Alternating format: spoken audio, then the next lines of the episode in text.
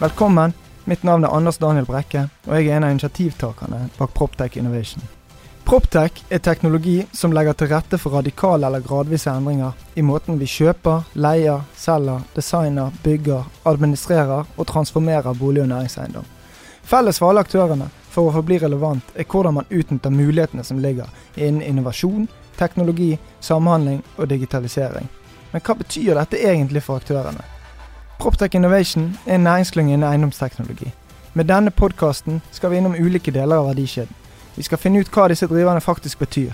For de etablerte aktørene, for bransjen, forretningsmodellene og verdikjedene. Hvordan vil Proptech endre bransjen, og hvordan ser eiendomsbransjen ut i 2030? Hjertelig velkommen. Eh, Mitt navn er Anders Daniel Brekke. Eh, I dag vi, skal vi snakke litt om eh, teknologi og megling. Og jeg har vært så heldig å få besøk av Pål Anders Kårstad fra Webmegling Technology. Velkommen, Pål Anders. Tusen takk for det. tusen takk for det. Ja, Kan begynne med å fortelle litt om deg sjøl. Hvem er du, og hva sysler du med? Ja, eh, Pål Anders Kårstad heter jeg. Bor i dag i Førde i Sogn og Fjordane, men har bodd mange år i Bergen. Jeg er jo eh, titulerer meg sjøl som gründer for tida. Eh, var med og starta Webmegling Technology for litt over eh, to år siden.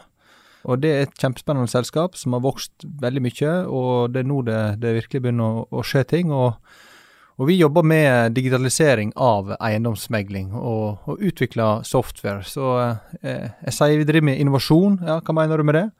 Nei, det er jo bare å gjøre en kjent ting smartere. Mm.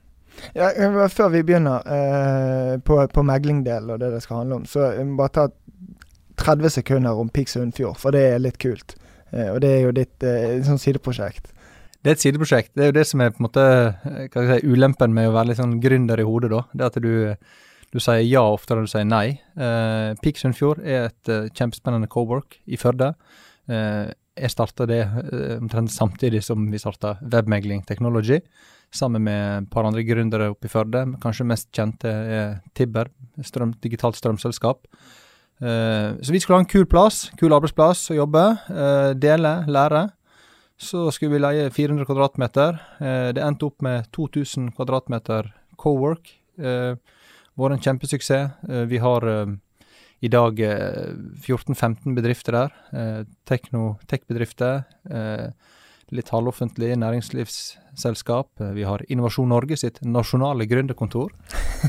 ja, det er gjevt, det. Ja, det passer bra inn. Ja. Uh, det har vært veldig, veldig artig. Skjer veldig mye der. Uh, du lærer mye. Hatt mye flott besøk. Bare første året måtte vi telle opp. Da hadde vi hatt sju statsråder pluss statsminister Erna Solberg på besøk. Ja, og alle var like sjokkert over at noe så spennende kunne skje i Førde. Det kommer inn og sier det her er sånn som jeg finner i Oslo. ja. Nei, men Veldig stilig. Uh, og det, det, er jo uh, Jeg vil jo si jeg har vært der oppe på Piksundfjord, Og uh, det er jo utrolig kult at sånne initiativer også kan skje ute i, på en måte, i distriktene, og ikke mm. bare alt skal trøkkes inn til de store byene. Jeg er helt enig. Så nei, det har vært veldig bra. Og, og, vi vokser videre. Det er flere Det er kø for å komme inn. Ja. Men uh, Webmailing Technology. Uh, jeg vet at du har pleid å si til meg at uh, ja, kult selskap. Vi har hovedkontor i Førde og distriktskontor i Bergen og New York. Nettopp. Uh, bare det er en kul greie i seg sjøl. Men uh, kan ikke du fortelle litt om på en måte hva var det du så, og hvorfor satte du i gang og, for to år siden? Uh, og hvor langt du sier dere har, nå er virkelig klar og kommet til skaleringsfasen. Hva, hva har dere gjort for å komme dit hen, og hvor kom ideene fra, og hva problem er det dere egentlig skal løse? Ja, altså for å på en måte forklare hvorfor og hva. altså Min bakgrunn er jo eiendomsmegler, og mm. har jobba over 15 år i bransjen. Omtrent halvparten av dem her i Bergen. Eh, vært innom flere meglerforetak her, og halvparten i Sogn og Fjordane. Så eh, etter hvert, eh, når jeg hadde jobba mange år i bransjen, det var vel i 2016-2017, så begynte jeg å interessere meg mer og mer for eh, digitalisering. Eh, jeg tok et bevisst valg. Jeg sa til meg sjøl nå skal jeg sette meg inn i hvordan digitalisering kan påvirke eiendomsmeglerbransjen. Eh, jeg følte vel egentlig i 2017 at jeg satt og jobba på akkurat samme måten som når jeg begynte å jobbe som eiendomsmegler i 2005. Eh, eller faktum var vel egentlig det at det var mer arbeid. Det var blitt en lengre prosess. Eh, det kosta mer for forbruker. Eh, jeg måtte legge ned flere timer per bolig.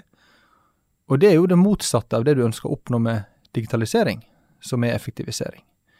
Eh, jeg var med i Norges Eiendomsmeglerforbund sitt eh, innovasjonsutvalg, eh, som var kjempespennende. Og da så vi på eiendomsmeglers rolle.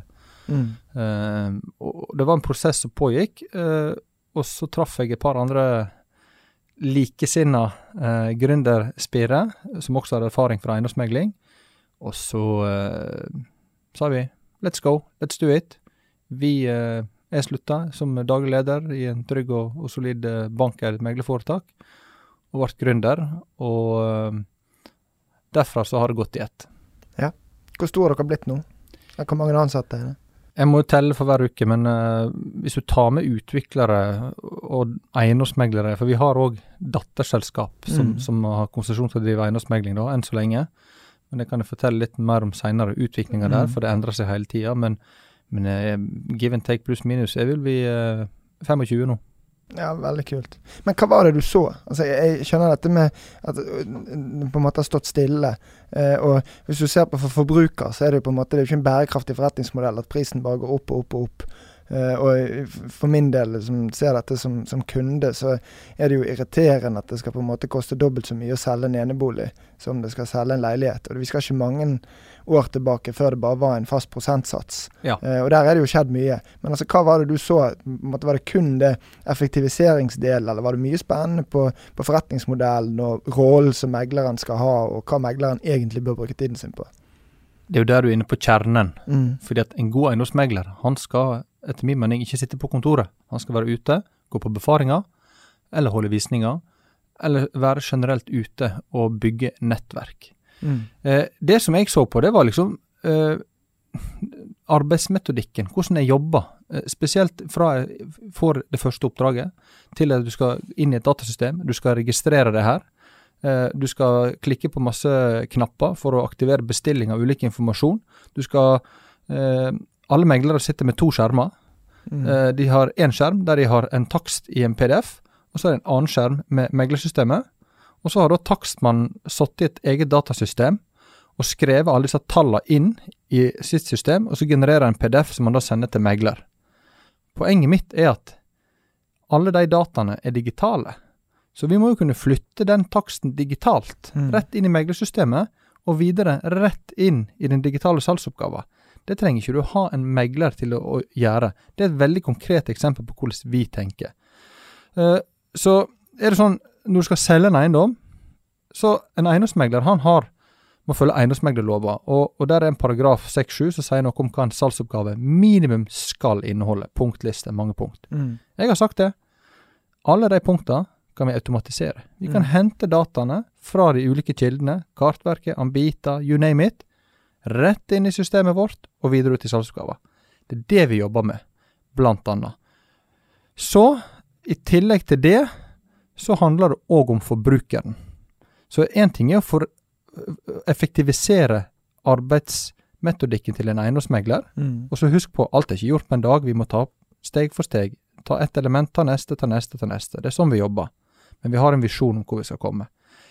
Det andre er forbruker. Forbruker forventer i dag å ha gode digitale flater på mobilen. 70-80% av tida en forbruker bruker på nett, er på mobilen. Mm. Så vi lager òg da et system som jobber med å effektivisere, som også i tillegg en god forbrukerplattform, sånn at kunden kan følge oppdragene Mm. digitalt på sin telefon, godkjenne salgsoppgaver, you name it. Så det her er et stort økosystem som vi nå har jobba i snart to og et halvt år med, og nå begynner det å materialisere seg til å bli et veldig godt program som vi nå har døpt Movin. Mm. Så når vi først er inne på det, så er det òg nå vedtatt, eller blir vedtatt på neste generalforsamling, at Webmailing Technology skal endre navn til Movin. Ja, stilig. Eh, det er en sånn verdensnyhet her i podkasten. Det her er en verdensnyhet. Ja, fare for at podkasten ikke blir lansert før du har endret navn, men eh, det er dritt med det. Det, ja, ja. Eh, men ja, eh, tilbake til saken. For det, som er litt interessant, sånn sett fra mitt perspektiv og, innovasjon- og forretningsutviklingsperspektiv, er jo at det er jo sånn fem, fire, fem, tre, fire, fem år siden så kom det masse nye meglerforetak der eh, alt skulle være Du skulle kunne gjøre det sjøl. Altså du har propper, eh, propper ikke, maraton, en haug med Så åpenbart har sett mange av de samme utfordringene som det du gjorde, men de på en måte tar han helt ut og sier at ja, men forbruker kan løse alt dette sjøl. Ja. Og så sier du jo egentlig at nei, men megleren Derfor er det jo viktig å se på hvilken rolle skal megleren ha, og hvilken Ja. forretningsmodell skal de ha. fordi at det er jo ingen av disse selvmeglingsselskapene som virkelig har tatt av. Man Nei. trenger fortsatt på en måte bistand, og det legger seg da i en, i en å finne liksom sweet spot midt imellom her på hva skal løses med teknologi, og hvilken rolle skal megleren ha. Eh, og hva tenker du om det? Nei, og det òg er veldig viktig. Altså det, det som er, du, Min erfaring når jeg starta det gründerselskapet, er at du starter med en idé et konsept. Helt tidlig i fasen så var vi innom en gjør det selv-løsning som vi kalte webbolig. Men det er, som du sier, forbrukerne er ikke helt der ennå. Vi ser at en del andre større sliter litt med å få det til.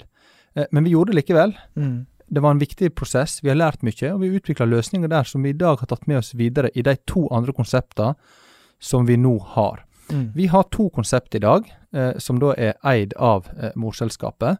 Det ene heter webmegling, og det er en, kall det en hybrid. Mm. Det er en digital eiendomsmegler på nett. Mens jeg og du sitter og snakker her nå, så kan det hende at en kunde som er inne på webmegling, chatter litt med megleren vår, Mm. og velger å signere oppdragsavtalen uten at vi trenger å snakke med vedkommende. Mm. Det er digitalisering. Mm. Men så handler det likevel om trygghet. Det er ikke så mange som er der helt enda. Så Derfor så har vi da bygd opp muligheter til chat, se nå på video og den type ting. For, for å selge bolig handler om trygghet. Mm. Og Der ser vi at hybriden vår, webmegling, vokser mye i disse dager. Den, den er, jo òg Altså, du har litt med pris å gjøre. Det er fast lav pris fra 35 000. Eh, Og i dag så setter vi nå og selger boliger i Sogn og Fjordane, for å bruke det. Hordaland. Vestland fylke, da, som det heter. Mm. Eh, vi har oppdrag i Oslo, i Halden, i Drammen, i Skien. Og det klarer vi fordi vi har laga en digital eiendomsmegler. Mm. Det er et kjempespennende konsept eh, som vi tror vil vokse mye de neste åra. Så har vi da òg det her med trygghet. Den lokale megleren vil aldri forsvinne, men du var inne på det. Hvordan skal han jobbe? Han må Mm. jobbe annerledes. Han skal ikke sitte og jobbe med datasystem og skrive av PDF-er. Det, det er jo helt feil. Han må være ute og være effektiv, sant. Så der har vi da et, en, en kjede for, som vi kaller for W eiendomsmegling. Eh, og der eier vi i dag eh, meglerforetakene, men det som er spennende med gründerforetak, er at du starter med noe, du utvikler deg, du pivoterer, du går ulike Mm. retninger. Så det vi ender opp med nå, som er strategien til selskapet, at vi skal i morselskapet Webmelding Technology, eller heretter Movin, skal kun være systemleverandør av systemet Movin. Mm. Så vi skal ikke eie lokale meglere. Vi kommer dog til å sitte 100% på webmegling. Spennende konsept. Det kommer til å vokse gradvis. Bygge stein på stein. Ja, for dette er jo et veldig måte, praktisk eksempel på at vi sier jo at Proptech skal føre til endringer, om de er store eller små, i, i hvordan vi, vi kjøper og, og leier og selger boliger. Er, er jo en del av, av Proptech-sfæren. Eh, og da, er vi jo litt inne på sakens kjerne. altså Hvordan kan ny teknologi eh, og digitaliseringen og all, alle de mulighetene som åpner seg, gjøre en endring i forretningsmodellen? For hvis du sier at selgeren på en måte Jeg er jo veldig fan av at man skal bruke tiden sin på det som skaper verdi, og alt det andre rælet, det skal på en måte bare være løst digitalt. Og Det er ikke der man skal bruke tiden sin. For til syvende og sist så er det jo meg som forbruker som må betale for at han skal sitte og flytte tallene fra et system til et annet. Helt riktig. Så det er jo en åpenbar eh, høyde, stor høyde og transformasjon i forhold til forretningsmodellen eh, og rollen til megler. Eh, og det der syns jeg egentlig er, er, er dritspennende. Eh, men privatperson, meg selge. Eh, jeg, I de aller fleste sine tilfeller så er jo boligen det er jo både pensjonen og det er den største investeringen de har gjort. Eh, hva slags endring ser du for deg i forhold til å bli holdt i hånden, eller kommer vi der om ti år at alt dette går av seg sjøl? Nei, altså Vi kan jo dra litt på erfaringer, da. Altså Hvis jeg ser på de 15 åra jeg har vært der, da, uh, så er det jo viktig å være en støttespiller. Mm. For du er inne på det, det er verdifullt. Men det betyr ikke at ikke vi kan jobbe smartere, mer effektive, utfordre systemer eh, tilby tjenester til lavere priser. Det er jo nettopp det som skjer med digitalisering og effektivisering. Mm. Eh, sånn at eh, Jeg tror det at kundene etter hvert som Nå har vi hatt koronakrisa, og, og, og, og, før det så, så var det gründerselskap og en del andre tech-firmaer som brukte video, og resten de sverga til å sette seg på flyet, kjøre, ha møte og komme tilbake. Nå har hele Norge blitt opptatt i å bruke teknologi. Mm. Det her er en prosess som tar tid. Mm. Men vi er hellig overbevist om at forbrukeren forventer smarte digitale løsninger. Noen vil at megler skal komme hjem i stua før de gjør noe som helst. Andre de vil vite hva det koster, de har solgt bolig tre ganger før. De vil ha en meglers hjelp, men de vil ha det til en god pris.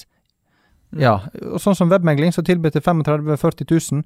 Vi har mange kunder der. Når jeg snakker med dem og kundereiser, så er de digitalt påskrudd. De er der, de kan det litt. Så vi må huske på òg det at det er ikke én type boligselger. Det selges 140 000-150 000 boliger årlig i Norge. Mm. Ok, x antall prosent av dem trenger full oppfølging. X antall prosent trenger en, eller ønsker, eller, øh, ønsker en rimeligere, enklere løsning. De er trygge på det her. Eh, Og x antall prosent de øh, gjør det sjøl likevel, sjøl om ikke det er så mange.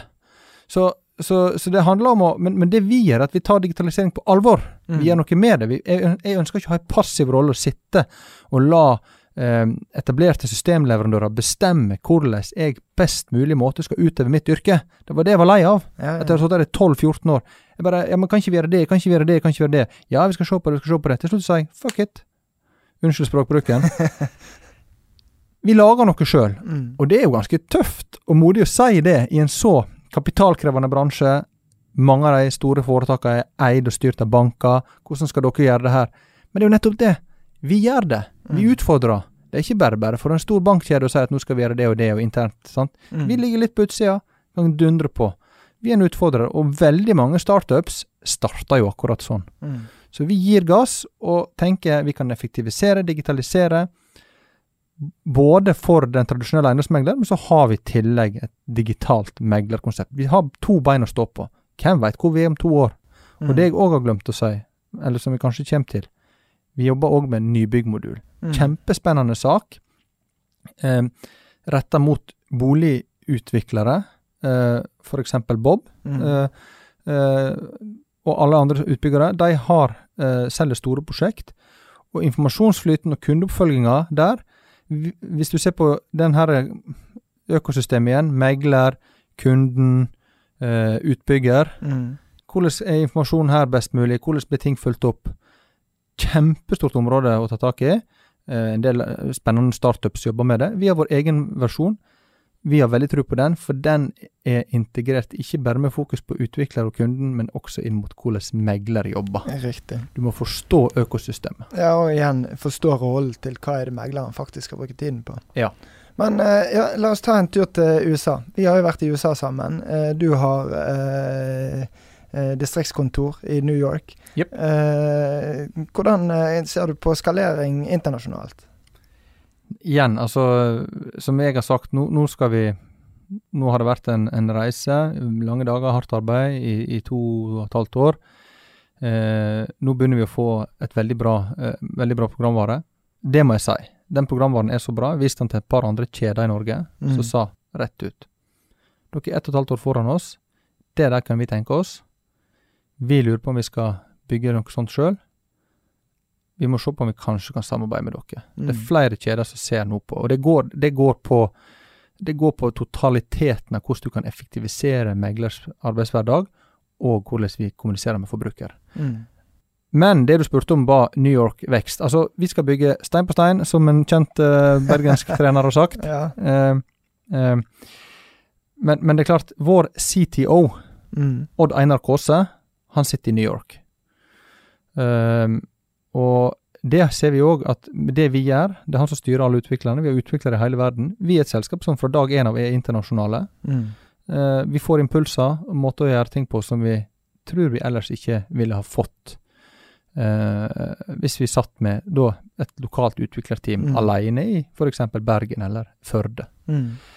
Eh, USA, kjempepotensial. Hvis det er noen investorer her som har lyst til å satse, så må de ringe meg. Eh, så kan vi gjøre det ved siden av.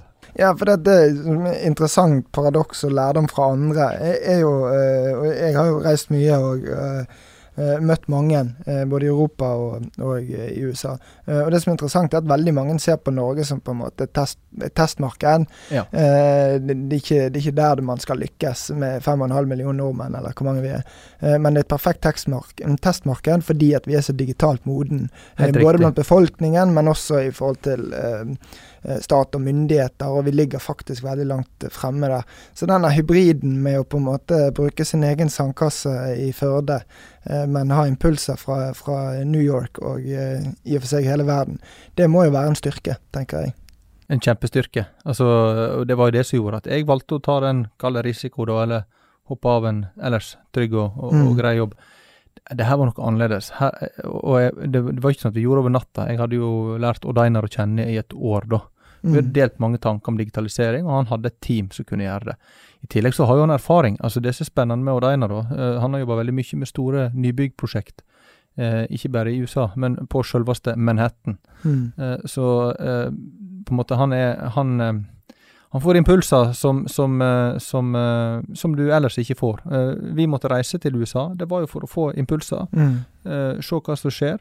Vi så på ulike prosjekt, alt fra de mest high end-prosjekter til mer tilsvarende boligprosjekt à la det i Bergen, som lå litt utafor. Mm. Men det handler om impulser. Det handler om å dele, lære. Det var så Einar sa, hvis jeg trenger noe informasjon jeg, jeg, kjenner jo et par folk som jobber på både Google og Facebook.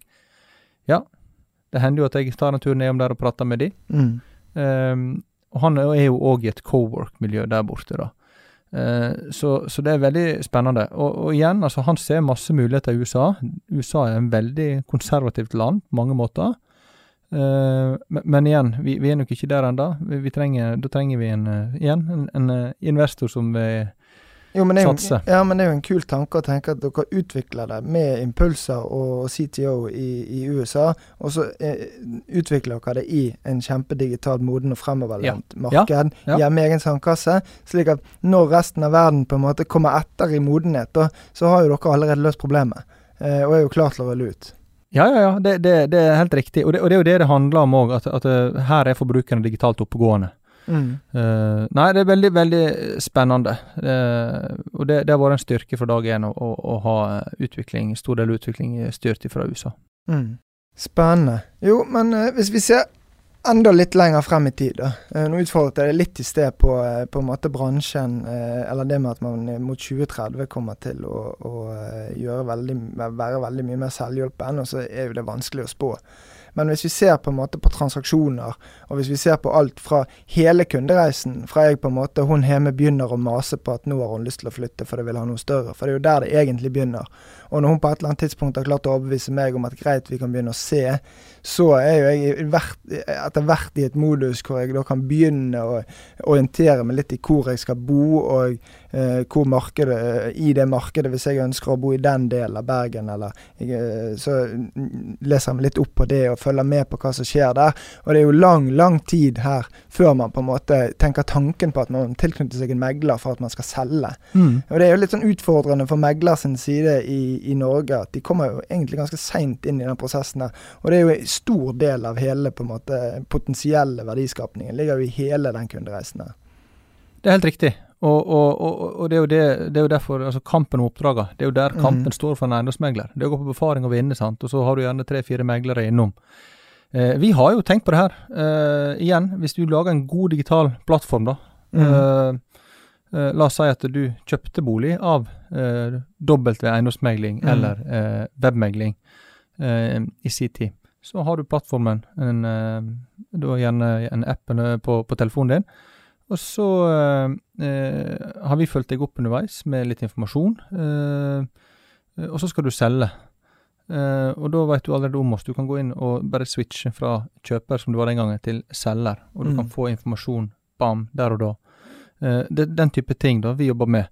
Eh, sånn at det handler jo om, om, å, om, å, om, å, se på kunden når du har fått den som kunde, eh, som eiendomsmegler, én gang så vet vi at statistisk sett, da, hvis du har kjøpt mm. din første leilighet, skal du bytte et par ganger til. Og da ser vi på hvordan vi kan tilby plattform, teknologi, på mobilen din til å følge, holde deg varm, følge deg opp med relevant informasjon uten at det blir for mye, sånn at kanskje du blir kunde hos oss igjen. Mm. Hvis vi i tillegg er gode på det, og har to konsept der du kan velge lavpris eller full pakke, ja, så mener jeg oddsen er stor for at du skal havne hos oss. Ja, for det er ikke noe sånn stygt ment mot Schibsted, og de har jo hatt en fantastisk reise, de med Finn. Eh, men det er på en måte eh, Den eh, markedsplassen der er jo på, eh, bygget for Det begynner å bli en del år siden. Mm. Og det begynner å bli et stort potensial for på en måte innovasjon og disrupsjon inn mot hele den kundereisen og inn mot en sånn type markedsplass. Eh, men per i dag er de jo tilnærmet monopolist på distribusjon av, eh, av boliger. Ja. Eh, og klart at Her ligger det jo et kjempepotensial ja, ja, ja. i, i den perioden før megleren skal begynne å stryke skjorten. Klart det. altså Finn og Schibsted har jo tatt en knallsterk posisjon. sant? Mm. Og Det er jo mange meglere som har prøvd å utfordre det, eller kunne tenke seg, eller har snakka om det på ulike fora osv. Hva kan vi gjøre, kan bransjen gjøre noe sammen og sånt. Men det har vist seg at det, det fungerer, da. Eh, men det er klart at igjen, da, går går noen år tilbake i tid, skulle du starte med eiendomsmegling, så var det to ting du måtte ha. Du måtte ha en volumavtale med papiravis, Mm. og du måtte ha avtale med Schibsted. For me meglerne har jo egentlig bare tilpasset seg Ja. det, det andre har gjort på Ja. distribusjon. Ja. Eh, og så sagt at i stedet for at du nå må kjøpe en annonse for 20 000 i Bergens Tidende, så må du nå bruke 20 000 på finn.no og Facebook, eller, eller hva det måtte gjøre. Eh, og der er det noe kjempespennende som eh, jeg tror i hvert fall det kommer til å skje en voldsom utvikling på eh, i årene som kommer. Det tror jeg òg. Altså, per i dag har Finn altså Du kommer ikke vekk fra det faktum at Finn har en sterk rolle i Norge. Men, men det er klart det at det, det du må huske på med digitale kanaler uh, Før så måtte du for å få et presseoppslag måtte du snakke med en journalist. Mm. I dag er hver bedrift sin egen mediebedrift, takket være Facebook, LinkedIn, Instagram etc. Når alle folk i hele verden, eller i hele Norge iallfall, har en smarttelefon i lomma, så har de tilgang til all informasjon. Du kan nå dem, du kan treffe dem. Igjen, men det handler om å bruke data. Digitalisering. Mm.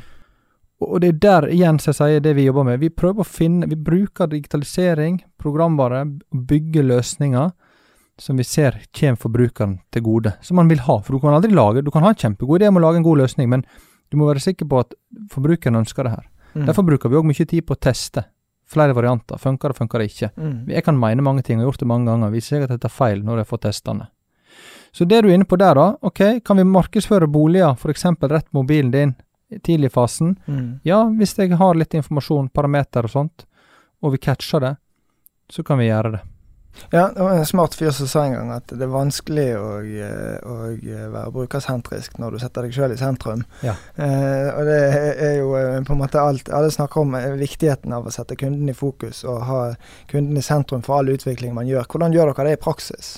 Ja, eh, vi tester mye, da. Mm. Vi, kjører, vi, vi bygger flere varianter, både på ting på markedsføring, eh, og så trekker vi, når vi har la, laga en løsning, så trekker vi forbrukermønsteret. Mm. Og, og, og så har vi en del pilotkunder. Hvordan opplever du det her? Spesielt når vi gikk ut med den første versjonen på kunden, selger sin, sin applikasjon da, i webmegling. eh, så var det utvalgte eh, kunder som vi da fulgte opp. eh, og Der finnes jo mange verktøy på å gjøre det her. da. Men, men kanskje viktigst av alt, det vi driver med, det er dynamisk. Mm. En del tenker at ja, vi lager en løsning sånn og sånn, så, så har vi det. Det er, det, som er, det er derfor ikke vi har noen eksterne konsulenter til det vi driver med. Alt vi lager in-house, kulturen, know-howen, everything, sitter blant våre egne folk. For vi vet at når vi har laga noe, kanskje kjørt en måned, nei, vi må endre på det. Og du må endre, endre, endre, endre. endre. Og det er derfor jeg òg tror at det er ikke så lett for andre kall det større konkurrenter, banker, bankkjeder. Bare, ja, vi kan bare lage det her. Ja, så vær så god, start. Lag en kravspekk, gå til et IT-firma, finn ut hva det koster, kjør gjennom en tre-fire styremøteprotokoller og noe beordringsnivå, you name it, Mm. og så kan du komme i gang, kanskje i gang om seks måneder. Vi er der hele tida, vi endrer, vi er tett på.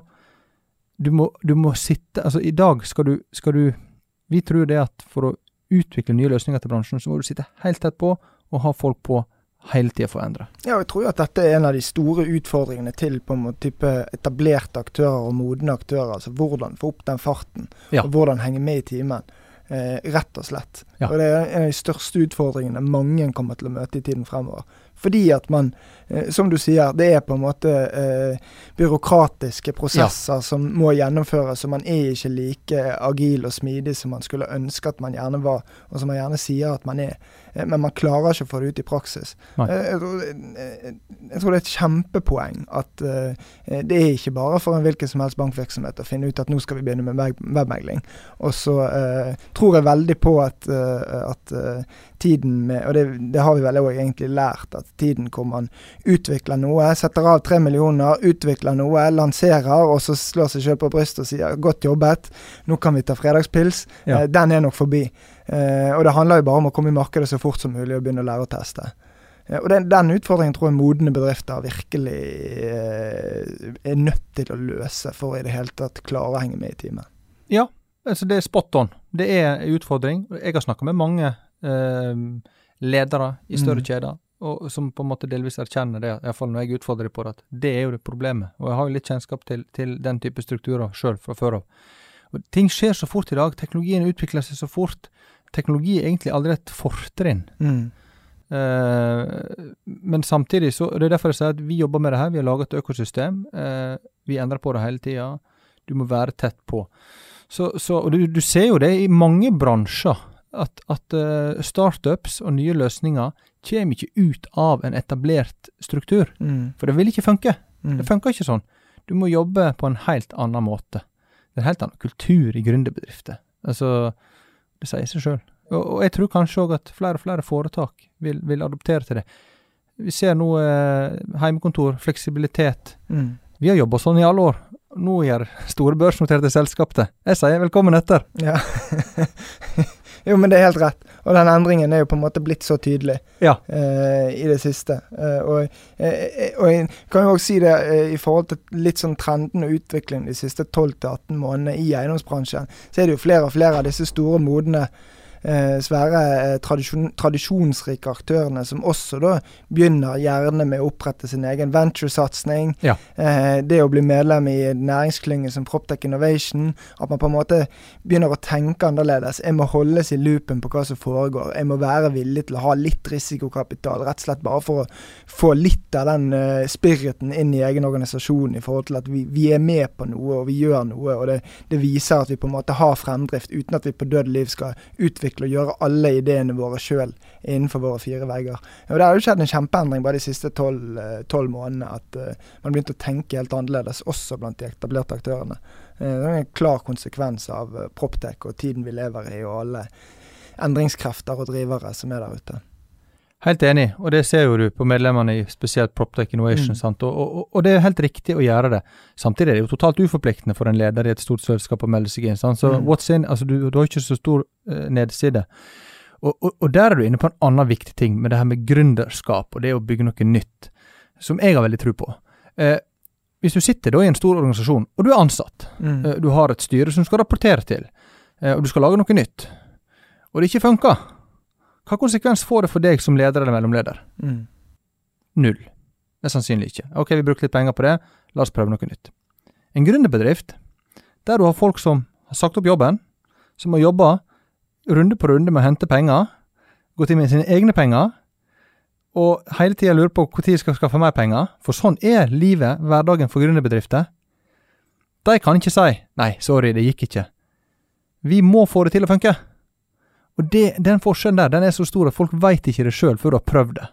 Du kan ikke gi opp, du kan ikke si 'vi fikk ikke det til'. Du må sette deg ned, tenke alternativt, vri om, gå ny retning, og videre. Og det er jo nettopp derfor en ser at en gründerbedrift ofte klarer å innovere, Mm.